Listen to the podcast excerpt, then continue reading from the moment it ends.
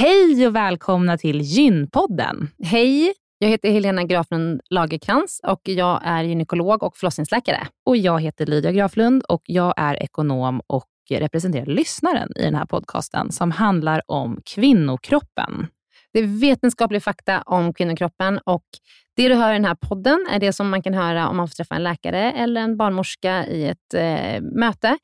Men ibland så bjuder vi in gäster som berättar om sina personliga erfarenheter och ibland är det också spekulation, men då är det verkligen tydligt att det är spekulation. Annars är grunden för den här podden vetenskaplig fakta om kvinnokroppen. Så är det. Hoppas att ni vill lyssna. Välkomna. Välkomna.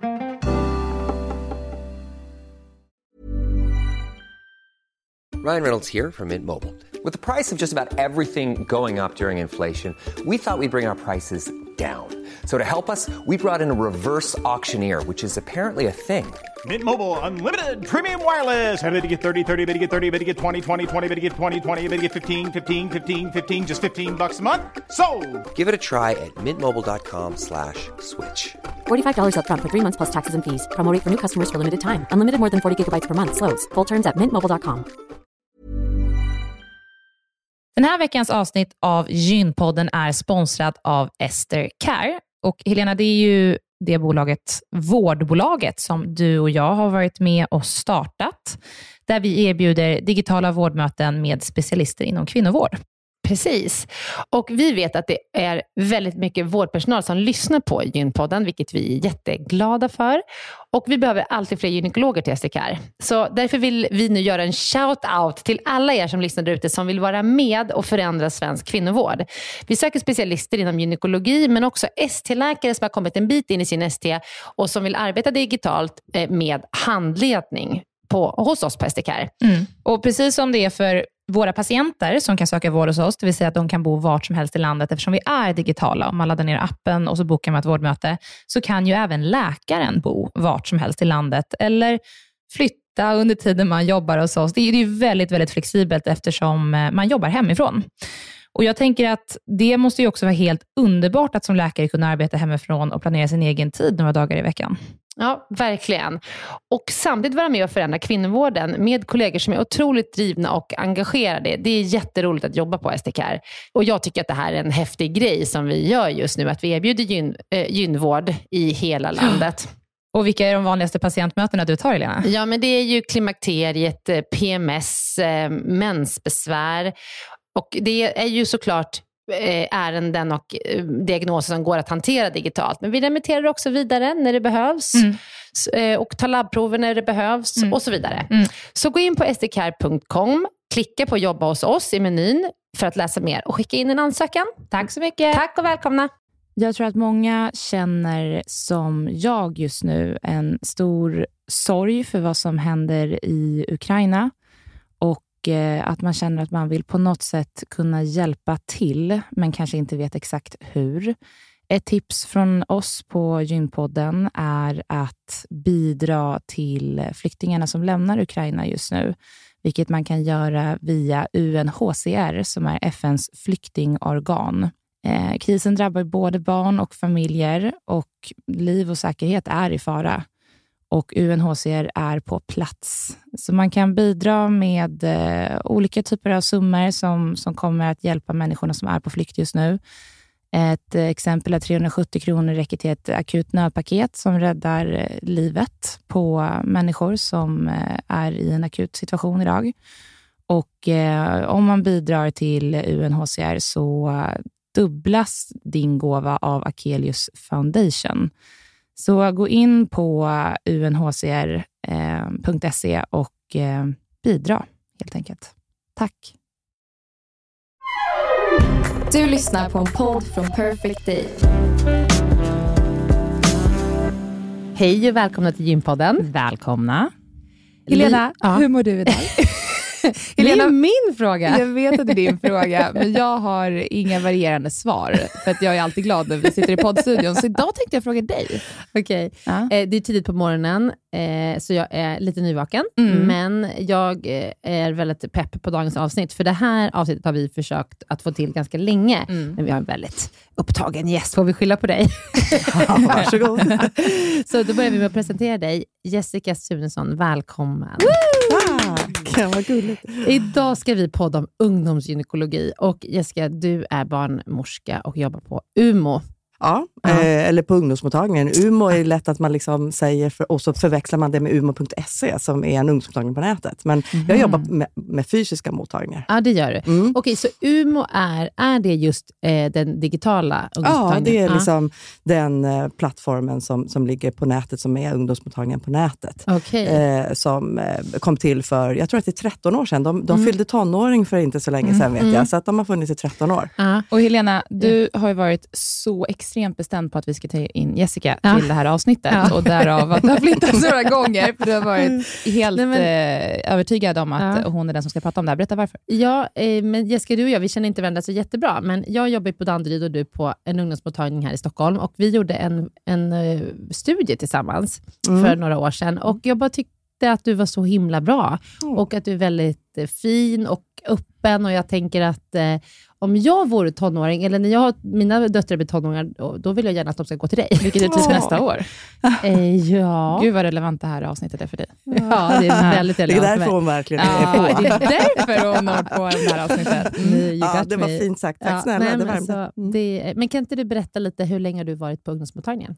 Ja, alltså jag har jobbat i denna underbara bubbla, Mm, ungdomsmottagningsbubblan, i ja, 11-12 år är det väl nu. Mm. Eh, är barnmorska, eh, har eh, jobbat på lite olika ungdomsmottagningar i, i Stockholm. Eh, allt från Järfälla till Upplands Väsby och sen den här som du pratar om då, Mm. som hette Skum, som låg på Odenplan. Den är tyvärr nedlagd. Mhm. Eh, det är en av de få ungdomsmottagningar som, som blir nedlagda. Mm. Eh, och nu sedan två år tillbaka så jobbar jag faktiskt med att utveckla alla ungdomsmottagningar, alltså jobba med vårdutveckling Mm. för alla ungdomsmottagningar i Stockholms län och det är 30 stycken. Oj då, okej. Eh, så så, att du har ett stort liksom uppdrag Ja, nu? och med det är ett jätteroligt uppdrag. Så du jobbar på regionen?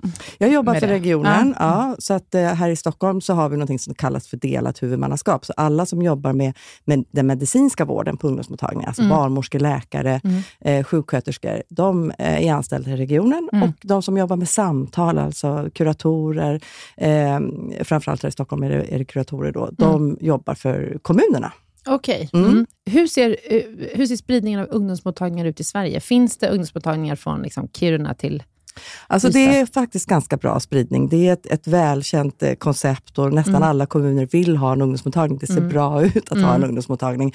Så att det finns eh, ish 260 ungdomsmottagningar i hela Sverige. Så att inte varje kommun och det är klart att uppåt landet så är det mer glest och det kan vara långa resvägar. Men så är det ju med all vård tyvärr i, i gles, liksom, Norröver. norröver.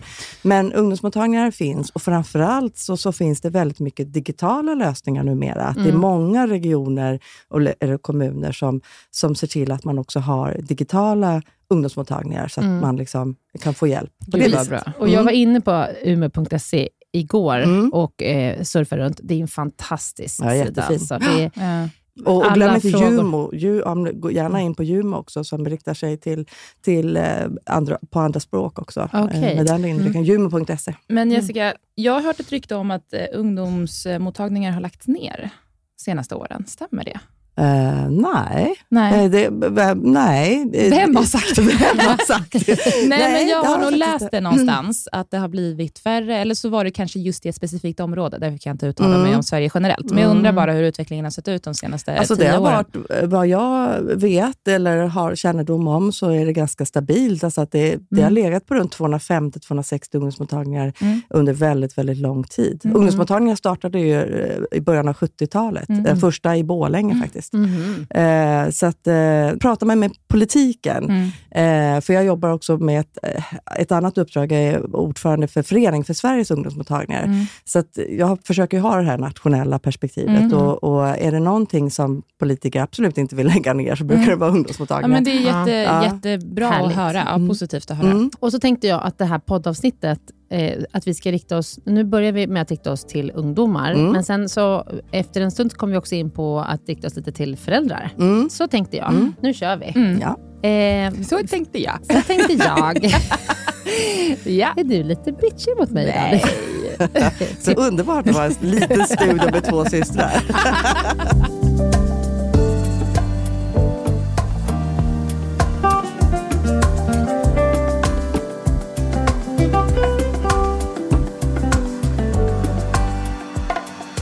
Okej, men Jessica, från vilken ålder får man söka sig till ungdomsmottagningen? Ja, men egentligen så finns det ingen nedre så här, bara, oh, där, får du, där, där går gränsen. Utan så här, när du kommer in i puberteten, ja då är ungdomsmottagningen platsen för dig. Alltså där, så att, och det kan ju vara olika. Du kan komma in i puberteten när du är 10. Men den vanligaste åldern skulle jag säga är någonstans 12-13-ish. Liksom så. Men, men det fin- ska inte vara någon exakt sån nedre gräns. Nej. Och vad är det som... Eh, vi tänker oss flickor nu i första hand, eftersom det här är gympodden. Som, vad är det första liksom som de söker sig till ungdomsmottagningen för? Ja, alltså om man tittar så här, vilka söker till ungdomsmottagningen, liksom om man tittar på åldersspannet, så är ju våran peak, det är gymnasieungdomar. Det är 16, 17, 18. Så att de- som är i den lägre åldern, de som vi pratar om nu, då, de som precis kommer in i puberteten, de är ju inte våran huvudgrupp, utan ganska få. Eh, men om de kommer till ungdomsmottagningen så är det allt från att man liksom ja, kommer i lite grupp och är jätteintresserad av att få titta på en kondom och undrar så här, kan vi få klämma och känna, ställa frågor om det? När de är 12-13. Ja, absolut. Gud ja. Det, är- och det är bra. Ja. det är jättebra. eh, eh, det är klart man är intresserad av dem.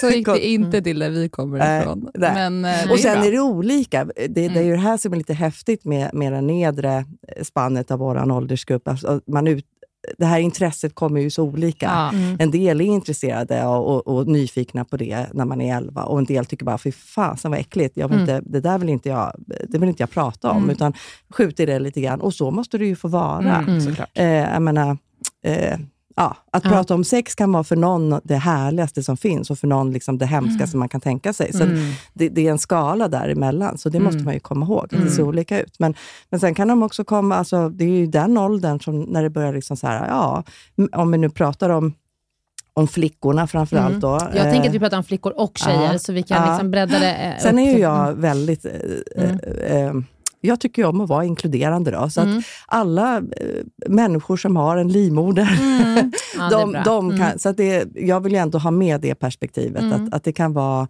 Eh, man behöver kanske inte identifiera sig som flicka när man kommer och ändå har de besvären. Och. Det är viktigt att, att ha med sig. Mm. Men som sagt, om vi pratar om flickorna så... så eh, ja, mensen är ju en jättestor grej. Mm. Och har man, har man tur kan jag tycka, så kan man prata om det hemma med någon som står en nära. Mm. Syskon, föräldrar, någon annan närstående, kompisar. Men, men en del har inte det, utan måste få ställa de frågorna eh, till någon annan. Eh, men det kan också att man vill prata med någon oberoende, oavsett om man kan få ställa de frågorna hemma. Så, Mm, så, så det är mycket frågor. Och mycket så här, vad händer med kroppen? Och, Mm. ehm, känslorna som åker berg och dalbana. Mm. Många som börjar fundera på, oj, brösten utvecklades olika. Varför är en, ett bröst större, ett bröst mindre?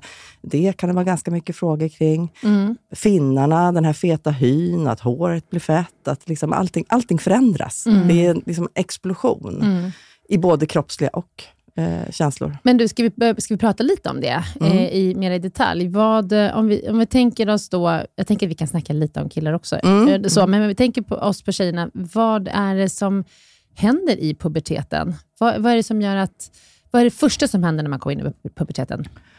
Det första brukar vara att man känner liksom förändringar i, i huden och håret och, och känslorna. Och, och att det blir liksom tillväxt, usch, det, det liksom drar iväg. Liksom. Eh, och sen så, så den här berg och dalbana liksom med, med känslorna. Att man liksom inte riktigt hinner med sina egna känslosvängar. Eh, det är väl liksom de, de första, och det spelar egentligen ingen större roll vilket kön du har. Nej. Det som händer också mycket, det är ju den här, liksom, vad som händer med hjärnan. Ja. Och det har ju inte egentligen med, det har inte bara med hormoner att göra, men liksom hur hjärnan utvecklas, den mänskliga hjärnan. Mm. Att det händer mycket med den i, i de här åren. Alltså, vad man, händer? mog, man mognar liksom, eh, vad, vad brukar man säga, man mognar utifrån och in. Mm. Eller tvärtom? Utifrån och baka. Alltså det, alltså det händer jättemycket Mm. med, med hjärnans mognad som gör att man tar in känslor på olika sätt och Mm. att man eh, går igång på olika belönings... Det är därför det är så svårt ibland med föräldraskapet med Mm. tonåringar. Att, att vi som vi som med en mo- mogen hjärna, alltså vi som är över 25, Mm. då har man liksom mognat i hjärnan.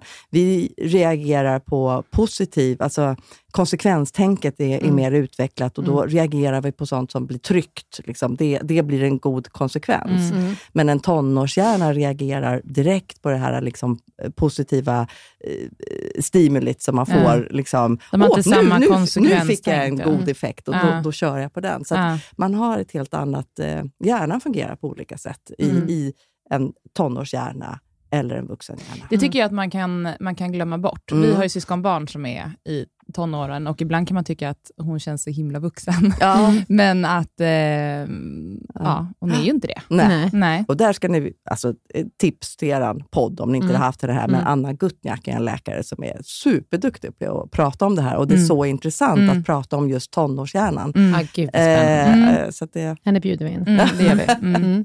Du är härmed inbjuden. Okej, så det är hjärnan. Och vad händer i, vad händer i kroppen? Vad, vad kommer först?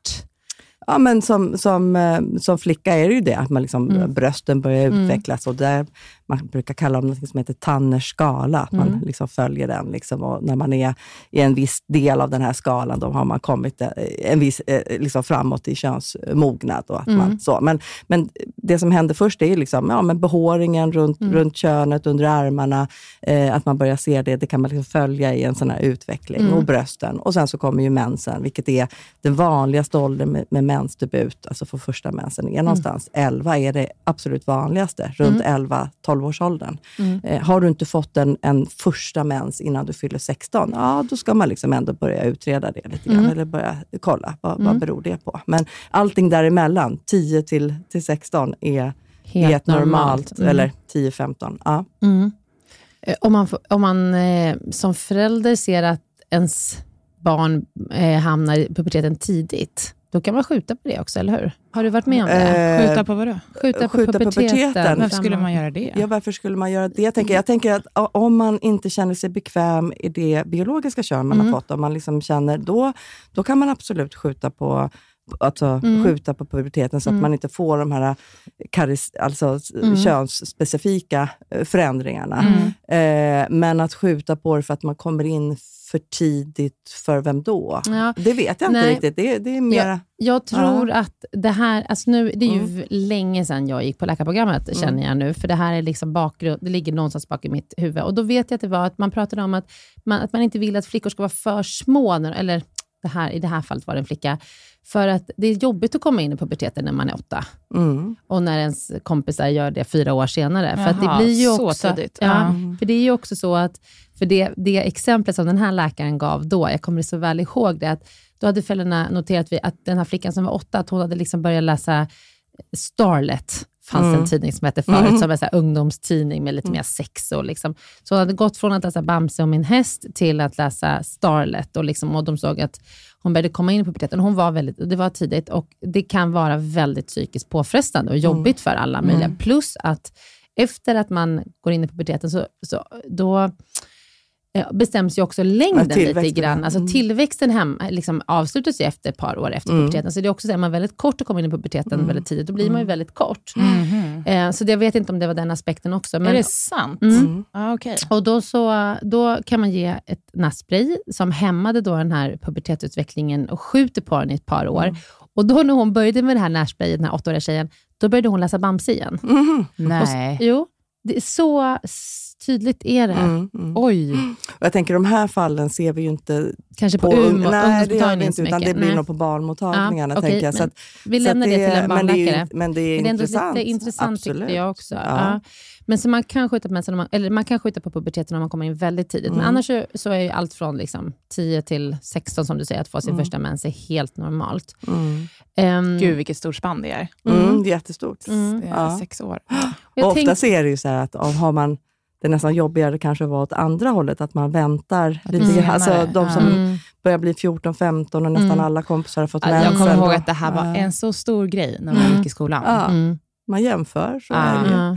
Ja, precis. Åh, det, Mm. puberteten är ju känslig. Mm. Men när man får mens, då, vad, då kommer de till dig och så har de mycket frågor. Vad undrar tjejer för någonting? Ja, men, ja, men det, är ju, alltså det, det kan ju vara jätteolika. Det Mm. kan ju vara allt från, från att man har frågor kring hur, hur, hur sätter man in en tampong. Exakt, liksom. det var faktiskt det jag, Ja. jag tänkte på. Ja. Liksom, Ja. vi, vi, man, det är ju, tänker jag, en sån fråga som unga tjejer har. Kan man använda tampong? Ja. ja. Såklart. Använd tampong. Ja, ja, ja, absolut. Och det, är ju lite, det blir ju verkligen oftast en frihet när man Mm. känner att man... Liksom, så det kan vara allt sådana här praktiska, liksom, Mm. till, att, eh, ja, till att en del också undrar varför, vad, vad, vad är en mens? Liksom? Mm. För där tycker jag, och en del har ju inte alls den, det bara händer. Men, Mm. men tyvärr så tycker jag att det är väldigt många, både unga tjejer men också unga kvinnor som Mm. kommer och liksom inte riktigt vet vad, vad en mens, vad, vad är det egentligen? Alltså Mm. att man inte har så bra koll. Det, det har blivit något, något glapp i, i liksom den här utbildningsdelen kring det. Mm. Så det kan man liksom ha ganska mycket frågor om. Men Mm. framförallt så är det att man, att man tycker att det är besvärligt. Att man Mm. tycker att det här, det här eh, hämmar mig i mitt liv. Jag har Mm. ont, jag mår Mm. illa, jag blir dålig i magen. Jag Mm. vill inte gå till skolan, jag vill inte Mm. göra grejer med mina kompisar. Det Mm. liksom blir en Ja, det blir hämmande. Mm. Och då vill man ha hjälp med det. Och Det kan vara att man behöver snacka om det, men det kan också vara mera handfasta grejer som man behöver hjälp med. Att man får p-piller helt enkelt, eller en Ja, spiral. alltså precis. Att man får ett preventivmedel. Eh, det kan vara bra, men en del vill inte ha det. Ja, Nej. men då måste man eh, prata om värktabletter, hur man liksom, eller på något annat sätt Mm. kan, kan lindra de här besvären. Så att det finns ju inte en lösning som passar för alla, men, men eh, jag kan ju tycka att det är man ska inte gå och ha en mens som gör att man eh, sackar i, i skolan eller eh, i sociala sammanhang. Nej. Alltså det, är en, det är en jämställdhetsfråga för mig. Mm, det är Liksom, det. Ja, för, för att om man tittar så här, en, en tjej som, som har en kraftig mensvärk, alltså mår så dåligt så att man inte klarar av det i skolan. Mm. Det kanske är att man liksom missar två, tre dagar i skolan varje månad. Mm. Helena, Alltså- vi läste ju en studie om att det var, vad var det, så här 67 procent av alla 59 tjejer... procent var det va? 59 procent Av av alla alla, tjejer i 16-åringar. Stockholm Mm. som är 16 stannar Mm. hemma från sociala aktiviteter. Ja. Eller, Och träning Ja. varje månad för Ja. att man har mens. Det är ju förskräckligt. Och, och det kan ju så här, det är ju förskräckligt i sig. Mm. Och beror det på att man mår dåligt? Alltså Mm. att det är att man har för ont Mm. eller ja, som sagt eh, mår Mm. illa eller Mm. känner liksom att kroppen bara inte funkar. Alltså då finns det ju ändå hjälp Mm. att få. Sen kan det ju vara att man bara tycker att, att, att det är obehagligt. Mm, just det. eh, och då bökigt. behöver man ju kanske få snacka om det. Mm. Mm. Men också tänker jag också unga tjejer, alltså de här tanig, taniga unga tjejerna, liksom, Mm. i, i, man, ska inte ha, man ska ju inte blöda så mycket, tänker jag, för att man ska bli påverkad av den blödningsmängden man förlorar varje månad. Nej, precis. Så att det är klart att det påverkar Ja, tjejer. och, det är ju också mm, ett, och, och då blir det liksom huvudvärk, Mm. koncentrationssvårigheter. Mm. Alltså det ger så mycket ringar på, på, på vattnet. Liksom, Mm. att, att den här, så att det, det tycker jag att det är jätteviktigt att prata med, med Mm. tjejer om. Att, Mm. att det här är inte, det är, inte, det är faktiskt inte så bra för hälsan. nej. För det är så lätt att tänka, åh jag ska Alltså vi, vi har mycket naturlighetssnack liksom, Mm. och, och det är väl härligt. Eh, och alla måste göra på sitt vis. Och Jag Mm. vill inte pracka på någon hormoner som inte vill ha det. Nej. Det tycker jag är jätteviktigt, utan att man pratar om olika liksom, eh, sätt att, att hantera saker och ting. Men, men det finns ändå hjälp att få. Mm. Alltså att man inte behöver må dåligt, eh, kanske. Man hör ju en del vittnesmål av tjejer som har problem med eh, mensen och så går man till ungdomsmottagningen och Mm. så träffar man en barnmorska som säger att det är så här det är att vara kvinna. Tycker du att det har liksom förändrats? Har det ändrats de tio, senaste 10-15 åren? Det hoppas jag verkligen. Ja, men visst, eh, visst är det Ja. så. Det är väl inte så längre att någon får det svaret att det här... För att Nej. vi hade en liten för, förfrågan här på vårt Instagramkonto. Det är fortfarande mycket sånt. Liksom, att, ja, Mm. men, inte bara ungdomsgynekologi, men förlossningsskador, ja men har du fått barn så kan du, då kissar du på det. Liksom. Det är inte så mycket mer Jag med får det. acceptera. Liksom. Ja, men det, det tänket är väl inte längre bland Nej, unga tjejer? Alltså, jag, jag, sen kan inte jag svara för att vad alla säger i eh, barnmorskor som jobbar på ungdomsmottagningar, men, men nej, jag tror att vi har kommit längre än så. Mm. Eh, Men när, när Ja. gjorde vi det? För att jag kan inte minnas att när jag var tonåring, att man använde preventivmedel som ett sätt att till exempel hämma mensen på. Eh, alltså det är aldrig någonting jag har hört förrän jag blev så här 27. Mm. typ. mm. Eh, Ja, men det gjorde vi inte förut. Nej, men exakt. Det känns ju som eh, någonting som har uppkommit ändå ganska Mm. nyligen. Att Mm. man använder det som ett verktyg på det sättet. Mm. Mm. Mm. Ja, eh, sen så märkte man väl det när man, eh, även förr, att man, liksom, oj, man kunde hoppa över någon mens Mm. ibland och att det, det gav ändå positiva effekter och så. Men det har blivit mer, det, så är det ju med, man, man forskar, man Mm. lär sig mer, Ja, man ser vad precis. som är, och det har kommit också andra preventivmedel, alltså vi har mer att, att eh, laborera med. Det finns inte bara ett p-piller som, som funkar för alla, utan det kan se olika ut. Det Mm. finns andra sorters preventivmedel. Som Mm. sagt, du nämnde spiraler Mm. till exempel. Förr var inte så länge sedan som man sa att ah, du måste ha fött barn innan du, eller gjort en abort i alla fall. Mm. Någonting måste du ha gjort innan Mm. du skulle få en, en Mm. spiral. Mm. Och nu är ju det eh, absolut inte så, utan nu är spiralen med som en, som en del av smörgåsbordet när vi pratar preventivmedel, Ja. Mm. till, oavsett vilken ålder du är. Mm. Vilket preventivmedel är det vanligaste som eh, ni Alltså det- hjälper tjejer med? Ja, precis. Jag tänker så här, att, alltså, det är det som är lite häftigt med ungdomsmottagningar, att vi liksom träffar tjejer som, men de, man kan vara 11 och så kan det Mm. vara någon som är 23. Mm. Eh, och, och det är klart att Är det tydligt det, händer, åldersrelaterat? ga- ja, men det händer Ja. ganska mycket där, däremellan. Liksom, Gud, man, ja. Eh, så att, eh, jag skulle säga så här, ja, eh, p-piller ligger nog först, fortfarande liksom som, som väldigt högt eh, som förstahandsval som preventivmedel. Men, men spiralen är liksom, oh, den går i en brant uppför, liksom så här, det här är eh, någonting som exploderar och används eh, mycket och som uppskattas. Men kan man Eh, sätta in en spiral på typ en 11-åring? Jag tänker dels att hon växer och dels att hon inte är eh, färdigutvecklad. Eller hon står ju Ja. precis inför att utvecklas En jättemycket. 11-åring tror jag inte är någon Nej. som sätter in en Nej. spiral på. För det första så, så ska du också upp i den här gynstolen. Och, och, Ja. liksom, Mm. så, att, så att du ska ju ändå känna dig så pass mogen så att Mm. du liksom är med på den och inte blir skrämd av den upplevelsen. Och så här. Så, Mm. Men man vill säga så här, ja, 14-åringar är inte ovanligt att de Nej. får en spiral. Mm. Nej, det är absolut. Ja. Det är, En 14-åring kanske också har svårt att komma ihåg att ta sina p-piller. Om man, och, och det är ju, Spiral är ju ett otroligt effektivt Ja. preventivmedel Ja. mot att förhindra graviditet, oönskad graviditet. Så Och p-staven är också väldigt är eh, Mm. populär och ett bra alternativ. eh, Och framförallt kanske då till den yngre Mm. som känner så här, nej men det där med spiral känns faktiskt lite obehagligt. Men, Mm. men en p-stav, ja den kan också sitta där i tre år och jag Mm. behöver inte komma ihåg den. Så det är också ett jättebra eh, preventivmedel. ja, och minska blödningsmängden Ja, ordentligt. ja. Mm. Förhoppningsvis. Ja, förhoppningsvis. Ja, Ja. Men också ganska många i varje fall. Mm.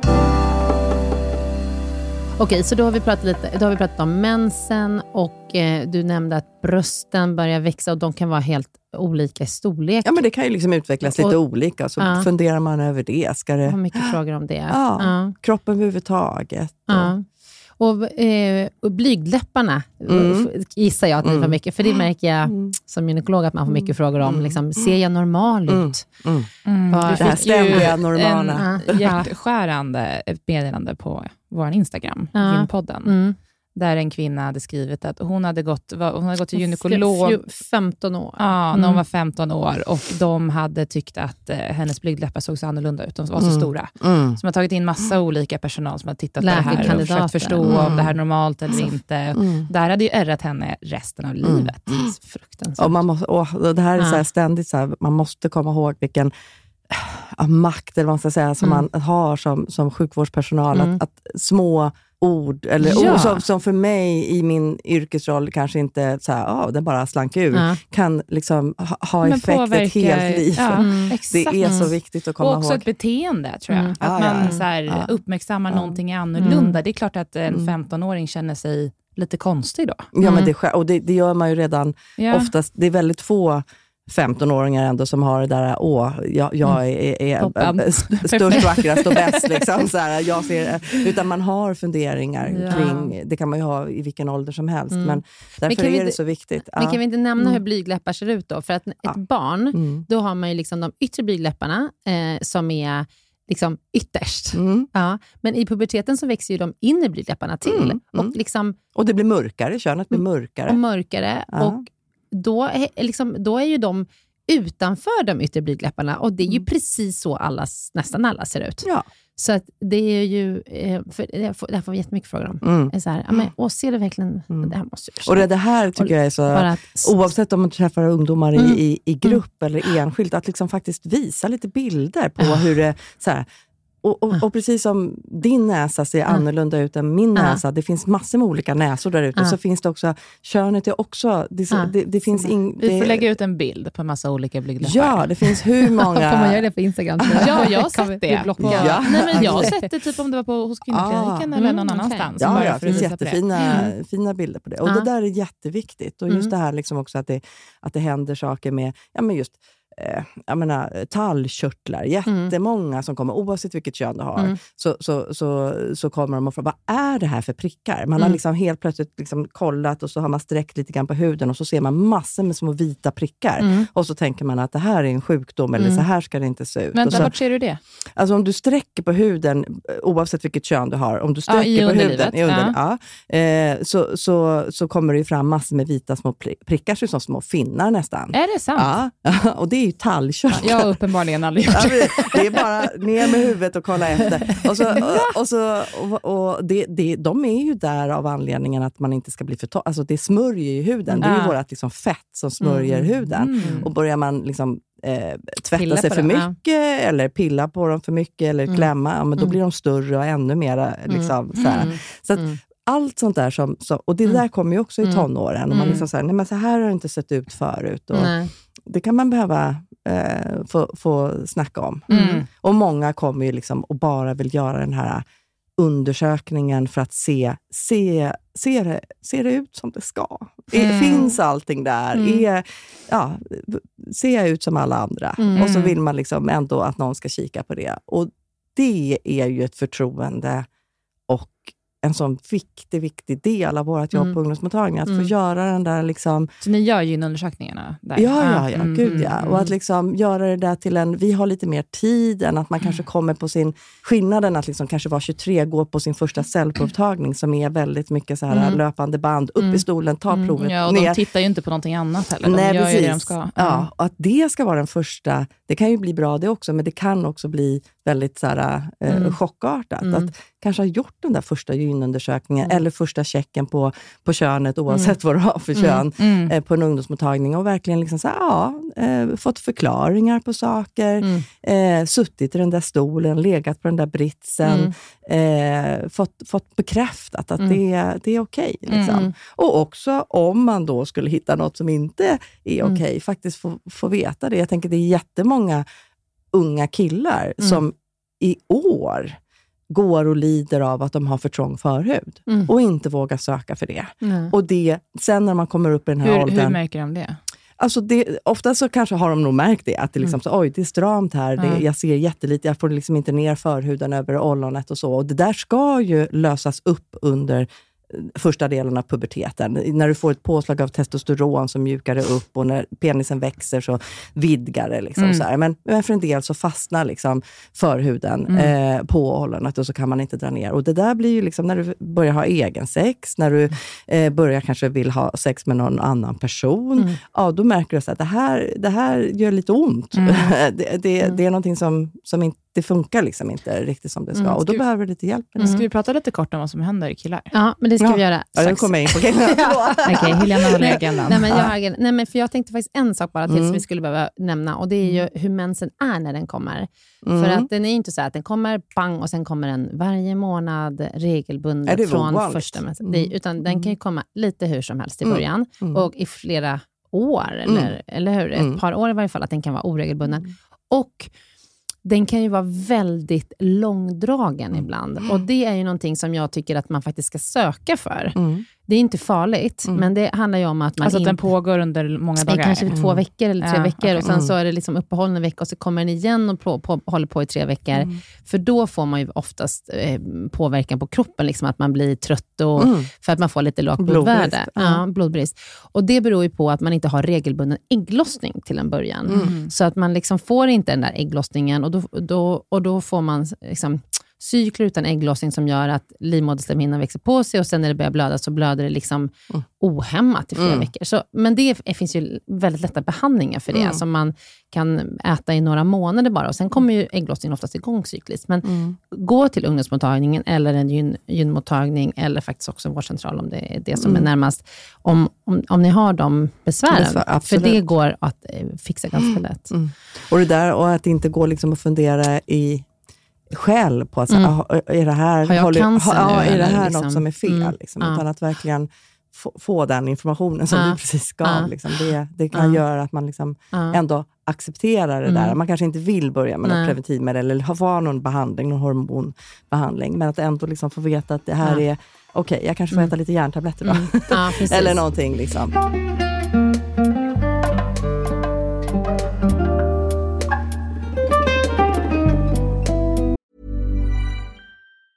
Hey, it's Danny Pellegrino from Everything Iconic. Ready to upgrade your style game without blowing your budget? Check out Quince. They've got all the good stuff shirts and polos, activewear, and fine leather goods, all at 50 to 80% less than other high end brands. And the best part? They're all about safe, ethical, and responsible manufacturing. Get that luxury vibe without the luxury price tag. Hit up quince.com slash upgrade for free shipping and 365 day returns on your next order. That's quince.com slash upgrade. Many of us have those stubborn pounds that seem impossible to lose, no matter how good we eat or how hard we work out. My solution is PlushCare. PlushCare is a leading telehealth provider with doctors who are there for you day and night to partner with you in your weight loss journey. They can prescribe FDA-approved weight loss medications like Wagovi and Zepbound for those who qualify. Plus, they accept most insurance plans. To get started, visit plushcare.com slash weight loss. That's plushcare.com slash weight loss. Den här veckan så är Gynpoddens avsnitt sponsrat av hemsidan mittpreventivmedel.se som är en informationshemsida gjord av Bayer. Mm. Och vi har pratat om den tidigare i avsnitt om att eh, det finns olika tester du kan ta, eller det finns ett test du kan ta. Du kan också gå in och jämföra olika preventivmedelsmetoder för att se vilken som är bäst för dig och du Mm. kan titta på en film där Mm. du kan förbereda dig inför att du ska träffa barnmorska eller gynekolog och skaffa ett pre- preventivmedel.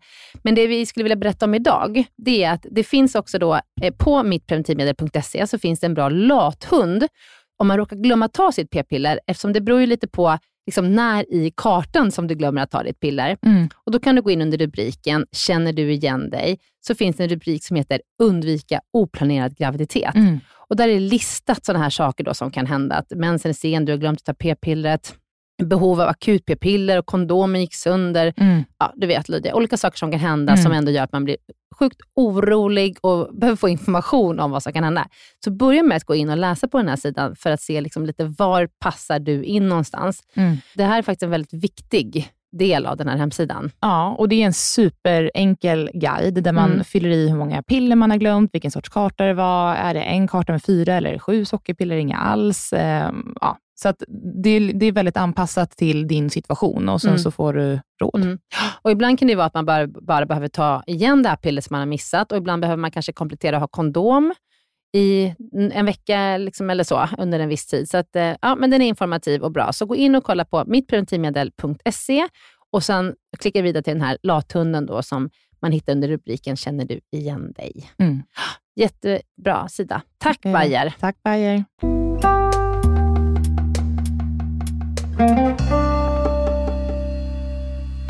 Någonting annat som vi bara kan nämna jättekort, eh, Jessica, som jag ser på gynakuten emellanåt, det är ju unga tjejer liksom från 12 år uppåt som kommer in med stora, stora sår i, eh, på blygdläpparna.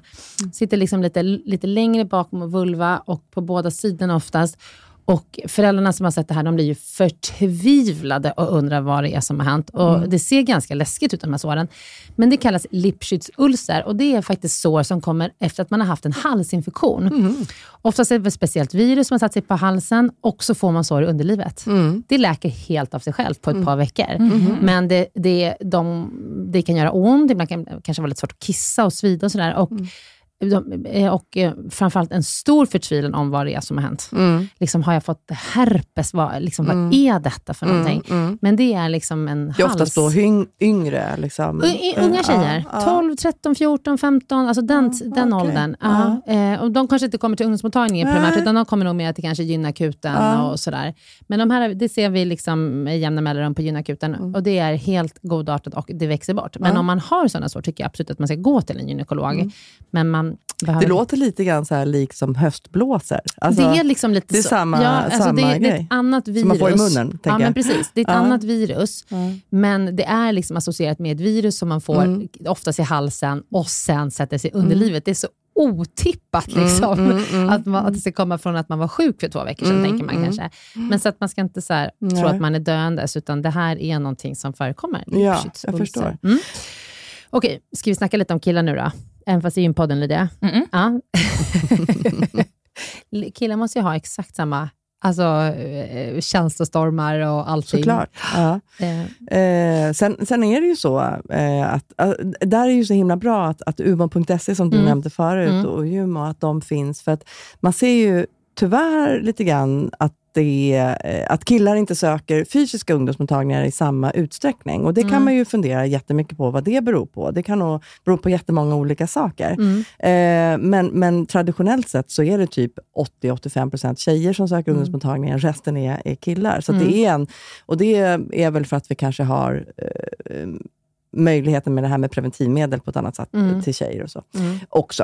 Eh, men det kan vi jobba på. Mm. Men, men när man träffar killar, framförallt som ungdomsmottagning, så har man ju också ett, ett, vi kallar det för utåtriktat arbete. Att vi går ju ut till skolor. Det ingår i vårt uppdrag att liksom gå ut och... Det är någon sorts liksom, nästan folkhälsoarbete, preventivt arbete, att informera om att ungdomsmottagningar finns. Och då träffar vi ju alla som går i skolan, i åttonde klassen, nionde klassen eller gymnasiet. Kan se lite olika ut. Och där märker man ju också att menar, man sitter ju med samma frågor.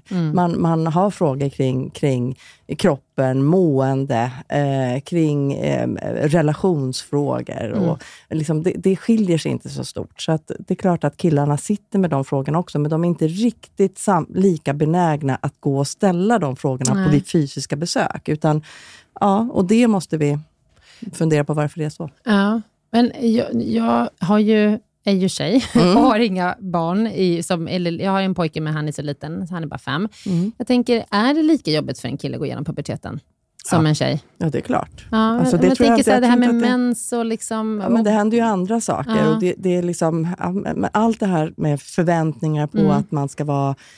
Eh, att, att, att, att det ska vara normalt, att, Mm. att eh, man, vill, man vill vara likadan eller Mm. att man ska höra till. Alltså, Mm. Och att kroppen förändras. Och, ju- n- varför har min kropp inte förändrats än? Eller jag, jag är senare än alla andra. Det spelar inte roll, Nej. någon roll liksom, vad man, vilket kön man har. Utan Nej. det där eh, är ju likadant. Mm. Såklart att ja, killar har inte mens. Nej, men de, ja, eh, Mm. de, i de andra... Ja, de Mm. ja, målbrottet. Eh, en del klarar av att bygga muskler, andra inte. Och så går man och Mm. funderar på det. Eller Mm. eh, kan också få mycket liksom, hormonpåverkan med, med att man får mer huvudvärk eller att man får ont i kroppen. Eller, Mm. Alltså att det händer saker eh, fysiska såklart. Mm. Så att det Men po- Ja. pojkar hamnar i puberteten lite, lite senare än flickor, eller hur? Ofta man brukar säga att det är något, något år liksom, Mm. i förskjutning. Men det är också individuellt Mm, såklart. såklart. Ja. Mm. Nedstämdhet, ångest. Mm. Kommer Ja. de barnen till er? Eller ungdomarna? Absolut, och det Mm. ser vi ju. ehm, sen tror jag att man pratar, för man pratar ju mycket om det här, den ökade psykiska ohälsan Mm. i stort, men också framförallt i, i ungdomsgruppen. Och jag tror att man också pratar på ett annat vet, man, man liksom, Vi matas ju med information, så att, och, och det är ju bra, så att man Mm. liksom får upp det på ytan, att det är liksom okej att prata om att man inte mår helt bra. Men Mm. där tycker jag vi som vuxna har en sån himla stor roll att liksom också sätta... Man får se skillnaden på vad, vad en normal eh, variation i mående är. Mm. Och kunna också bedöma om jag faktiskt är nedstämd, alltså mår dåligt, så att det liksom inte är de här variationerna, att jag behöver hjälp för att jag mår dåligt. Eller är det så här livet är? Ibland är jag på topp, ibland är jag nere Mm. i en dal. Att liksom förstå att så ser livet ut. Mm. Och att liksom hitta liksom verktygen för det. Mm. Eh, och att ångest och oro, ja, det känner nästan alla människor någon gång.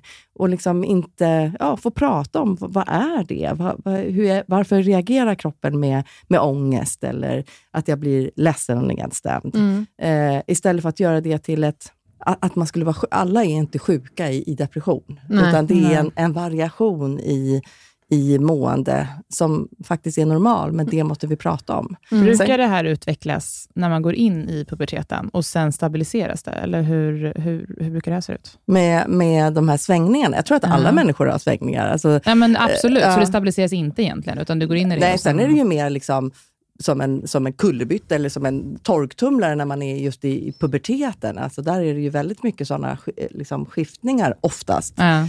Eh, och en del som känner så här, jag känner inte av dem där, då känner man sig onormal för det. Då måste man få snacka om det. Jag känner mig ganska så här, mm, ga- ganska, mm, jag har inte de här skiftningarna, är jag onormal då? och så behöver man sna- så, så, här, så att vi behöver prata mer om mående och man behöver veta som ungdom vart man ska vända sig om man känner att det här, jag, jag, jag behöver hjälp. Mm. Men jag tror också att det är viktigt att vi pratar om att det är att livet är, alltså, vi kan inte vara på topp, vi kan inte vara här uppe och allting är liksom eh, perfekt, utan vi måste också förstå att det går upp Verkligen, och och vänta tills ni kommer till 30-årskrisen. säger jag då. Ja, men, men jag menade mer att eh, finns det någon liksom, fysiologisk förklaring för att du går in och känner de här oroskänslorna under puberteten och sen stabiliserar det när du kommer ur puberteten? Eller det funkar inte så, utan... Jag kan inte riktigt svara. Alltså, jag, det, alla kan väl liksom hålla med om att under puberteten så är svängningarna oftast väldigt mycket eh, starkare och kraftigare. Mm. Och, och Det kan vara att man blir lite rädd för de där starka känslorna. Mm. Man har inte känt de där starka känslorna. Helt plötsligt så känner man jättemycket och, man liksom, och det kan väcka oro. Och det är Mm. klart, det stabiliseras ju Mm. för de flesta människor. Mm. Men, men, men ett psykiskt eh, mående, alltså det, det kan ju se olika... Alltså det, det har vi ju även oavsett om det har blivit 30, eller 40 eller 50. Alltså, Mm. så. Eh, tycker du att det här, blir föränd- eller har det här förändrats lite med sociala medier? Märker du någonting som barnmorska på ungdomsmottagningen, att man blir liksom påverkad av att alla andra verkar ha det perfekta livet? Ja, precis som man blir Ja. påverkad när man är 50, men då kanske man ändå kan förhoppningsvis sortera det. Så, Mm. så, så, så det är klart att, att man blir påverkad och tror att ja, men har alla det så här bra som, som, Mm. som det ser ut Mm. här? Eh, men Pratar jag, tyck- men jag tycker att alltså, det som är skillnad mellan ungdomar som växer upp nu, de gör egentligen ingen större skillnad. Det, det är ju vi, alltså generationen som vi kanske är i, och Mm. framförallt jag kanske är i, som är lite äldre än vad ni är. Eh, vi, vi gör skillnader på, på det sociala, alltså på, på det verkliga livet som vi säger, Mm. och det digitala livet. Mm. Men ungdomar idag, de gör ingen större, de, de tycker att vi är lite mossiga som Mm. pratar om de här två olika världarna, för Mm. de går i varandra. Eh, Det har inte att- funnits någon tid innan Nej, sociala har, medier nej, för men dem. precis, de Nej. har inte den, den, utan det är liksom så man umgås. Man Ja, umgås, på, man umgås på, på det viset, man umgås på det andra viset Ja. och det går i varandra. Men jag tänker att eh, du måste ju ha eh, tagit hand om eh, ungdomar innan den kanske sociala mediestormen, eller liksom den Ja. utvecklingen fick den fullfjädrade Mm. eh, utvecklingen som den har just nu. Mm. Och om du kunde se någon före och efter. Men det kanske inte, så gammal kanske inte du är.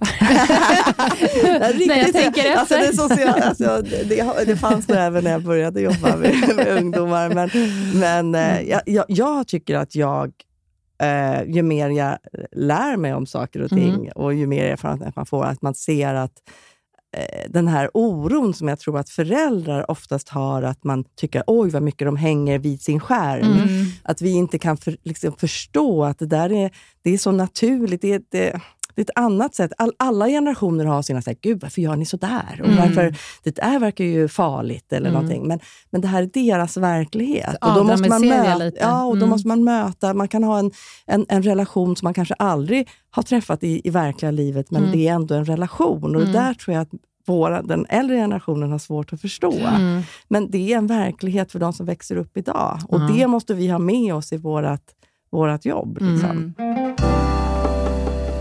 Träffar du ungdomar med könsdysfori, alltså att man inte känner att man, känner, att man tillhör det biologiska könet som man har fötts till? Mm, absolut, och det är ju de, de hoppas vi, alltså vi, ungdomsmottagningen vill ju vara en plats liksom, där man ska känna att man är trygg, Mm. oavsett vem jag är. Mm. Eh, så det försöker vi ganska ja, göra tydligt att det är så. Och sen kan det nog se olika ut hur många i den gruppen, alltså transungdomar, som känner sig trygga med att gå till sjuk, sjukvården, för ungdomsmottagningen är ändå någon sorts sjukvårdsställe. Så att, eh, det gäller att göra det tydligt på alla sätt och vis i att här, här har vi eh, kunskapen Mm. och eh, här kan du liksom lämna förtroenden. Och Det kan man ju visa på olika sätt. Liksom. Mm. Att vara inkluderande i sitt hur man skriver saker, vad man Mm. har på väggarna, hur väntrum ser ut, hur jag pratar, hur jag Mm. möter folk. Att jag Mm. liksom, för sen går det där som rykten. Om jag Mm. möter en ungdom för första gången och, och kanske inte förutsätter att okej, jag tittar på dig, men jag behöver inte förutsätta att det är jag upplever att du är, att det är hur du känner dig. Mm. Utan att faktiskt vara inkluderande i det pratet och, och, och fråga och vara nyfiken. Och sen när jag får din bild, det här är, det här är jag, ja, men då speglar jag det. Mm. Men, men tills, tills jag vet det så speglar jag brett. liksom, och, och försöker att ta in ehm, ja, och, vara liksom, välkomnande för, för, för Oförutfattade allt. ja, meningar. Ja, Mm, precis. Mm. Och att vara transungdom ehm, kan ju vara... Eh, det vet vi ju att det finns en, en ökad risk för psykisk ohälsa när man Mm. inte passar in i den här snäva normen. Nej. Eh, som, som, och faller man utanför den på något vis, Mm. och, och, så, så är det en, en ökad risk att man kanske faktiskt inte mår bra. Eller att man också blir utsatt för saker. Mm. Det kan också vara det bästa som har hänt någon, att komma ut och säga så här, var öppen med, men jag är trans. Det kan, Ja. vara, det kan vara det bästa som har hänt mig. Mm. Att jag liksom äntligen liksom får, så, så det behöver inte vara att alla som, som faller utanför normen mår dåligt. Utan, men att hitta en Men det är trygg en plats. ökad risk för det. Absolut. Och Vi måste bemöta dem. Ja, Mm. absolut. Och där är det jätteviktigt att vi tänker på hur vi, hur vi bemöter Mm. eh, faktiskt. Mm. Och hjälper på vägen. Mm. Eh, så. Jag tänkte att vi ska bara vända oss lite till föräldrarna. Mhm. Eh, för att ehm, jag funderar på, det här är jag nämligen lite, också lite osäker, hur mycket måste ni dela med föräldrarna?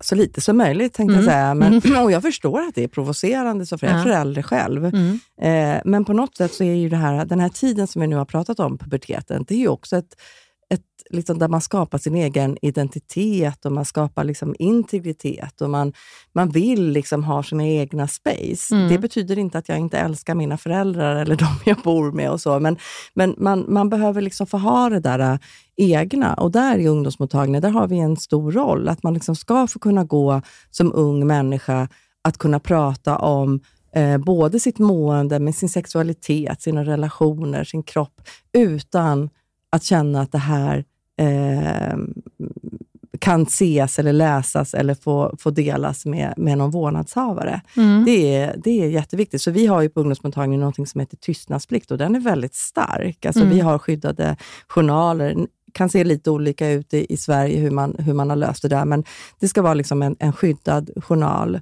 Ehm, och Sen har ju vi, precis som alla människor som jobbar med barn och unga under 18 år, en anmälningsplikt. Mm. Eh, så det tycker jag att man ska känna sig trygg med som förälder. Att självklart så, så kommer en ungdom som, som delar med- med sig av, av berättelser av utsatthet vad det gäller våld eller psykiskt eh, mående som, som tenderar att bli farligt för den här unga. Förstår ni? Liksom Mm. att man, ja, då, har, då, då träder ju anmälningsplikten in. Mm. Eh, och det där är vi jättenoga, det ska vi vara jättenoga med att tala om också för den unge. Mm. För det är jätteviktigt att de vet att det är så. Mm. Eh, så att man också har en möjlighet att välja vad man vill berätta. Mm. Så att man inte hamnar i en situation att man eh, faktiskt eh, inte var redo att berätta det här. Och Det där är, tycker jag är så tydligt på ungdomsmottagningar, att det kan komma ungdomar och de, liksom, de, de känner på en lite grann. Kanske kommer på drop-in och bara, ah, jag vill testa mig eller jag vill bara ha lite ja, men så här, lätta mm. besök. Och så här. De testar och så kommer de gärna tillbaka kanske till samma för att se, är mm. det här någon vuxen som, som pallar att jag lägger lite, lite mera substans i knät på den här? Mm. Så det tar oftast liksom lite tid innan det kommer sådana här förtroenden. Mm. Eh, och, Hur går det till när man, eh, när man sen tar det vidare? Vilken instans tar man det till då?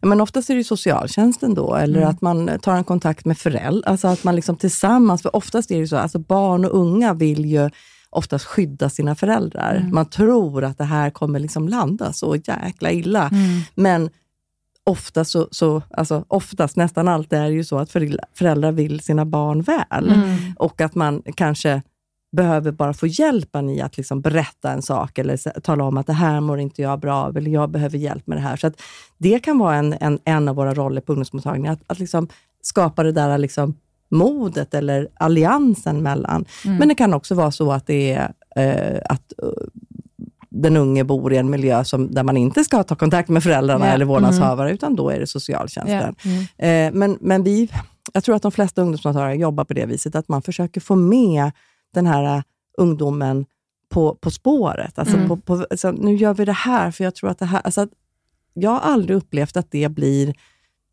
ett övertramp, utan det är oftast liksom så här, då har vi hunnit liksom träffas några gånger och prata om att det är nog den här vägen vi måste gå och mm. liksom hjälpa till att få dem att förstå att, att det, här, det här klarar inte du själv, nu måste vi ha hjälp. Mm. mm. Så. Mm. Men så man kan förskriva p-piller utan att behöva det det för sina föräldrar?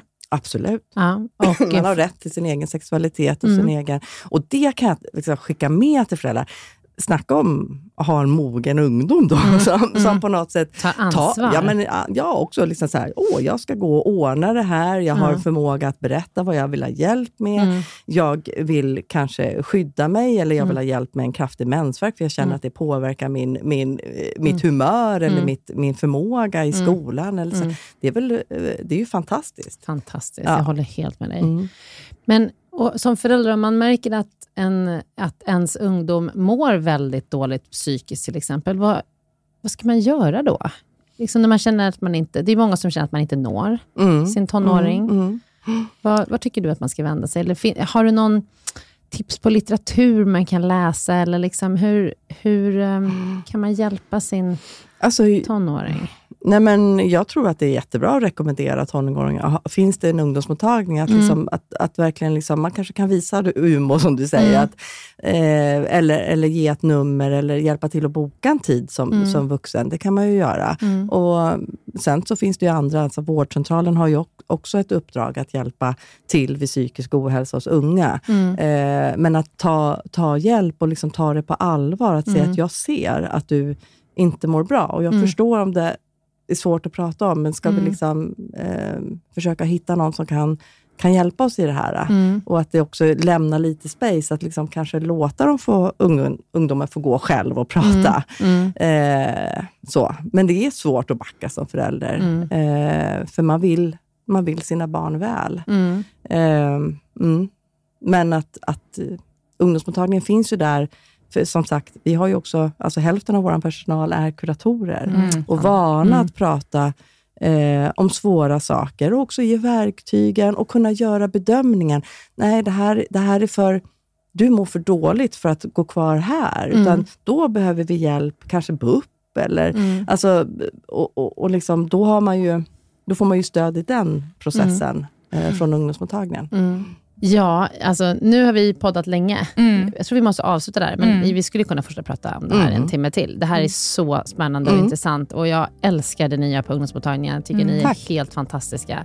Tack för att ni finns för våra ungdomar. Och eh, jag säger som jag säger till många andra gäster, så här, hoppas vi får tillfälle att prata igen. Mm, så gärna. Ett annat eh, ämne. Ja, jättekul. Tack så ja, hemskt mycket Tusen tack Jessica. Tack. Ja, sköt om dig nu. Bra. Tack, tack. Hej. Hej.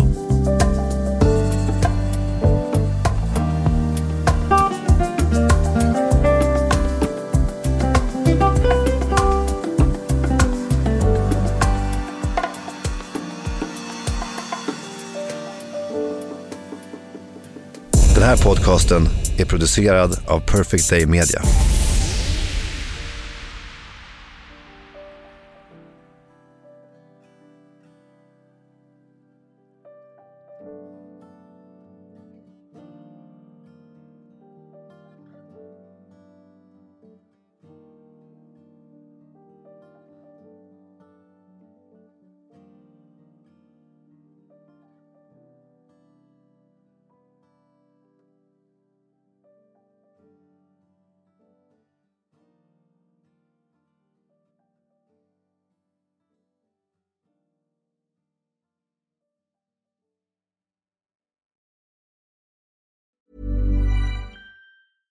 Ever catch yourself eating the same flavorless dinner three days in a row?